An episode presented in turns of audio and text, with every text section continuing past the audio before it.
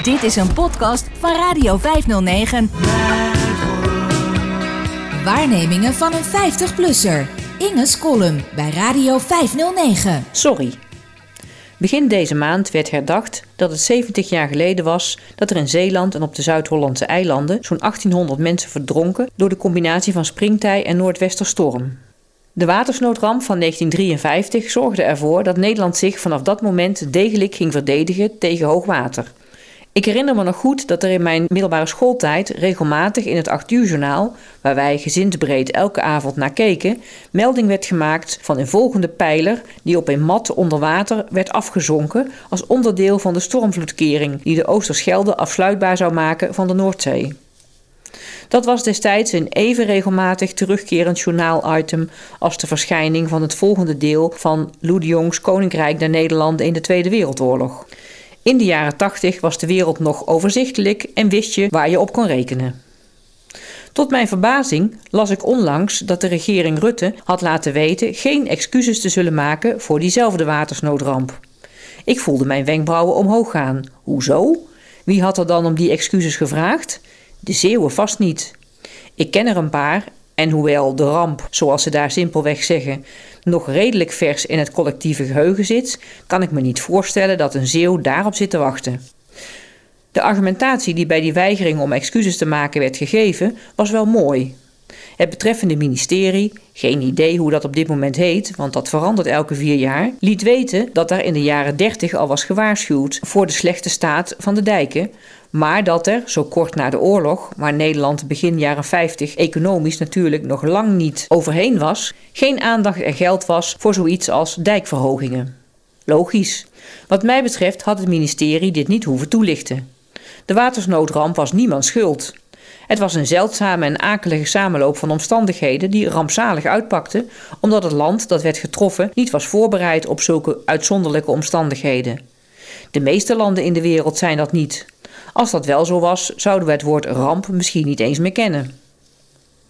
Ik vroeg me af of dit ridicule bericht van een regering die uitlegt waarom het geen excuses maakt voor een natuurramp van 70 jaar geleden, de ultieme uiting zou kunnen zijn van de excuusmakerij waar we de laatste tijd in verzeild zijn geraakt. Alsof we inmiddels van gekkigheid niet meer weten waarvoor we nu weer eens excuses zullen maken. En daarom maar met de natuurrampen uit het verleden beginnen. Daarbij moet ik toegeven dat ik het een moeilijke discussie vind. De vraag of het zinvol is excuses aan te bieden voor misstanden uit het verleden. Vooral als die misstanden zo lang geleden zijn dat er geen slachtoffers meer in leven zijn om de verontschuldigingen in ontvangst te nemen.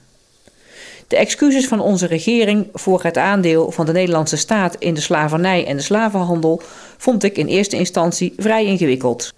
Als historicus weet ik dat het riskant is om met de ogen van nu naar daden in het verleden te kijken.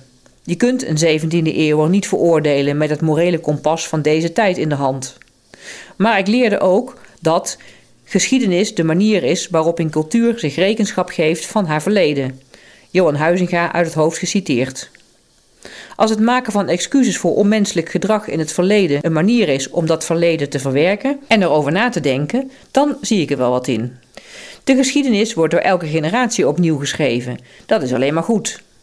Net zoals het goed is dat we inmiddels tot slaafgemaakte zeggen en geen slaaf, want de mens is veel meer dan dat wat een overheerser van hem maakt.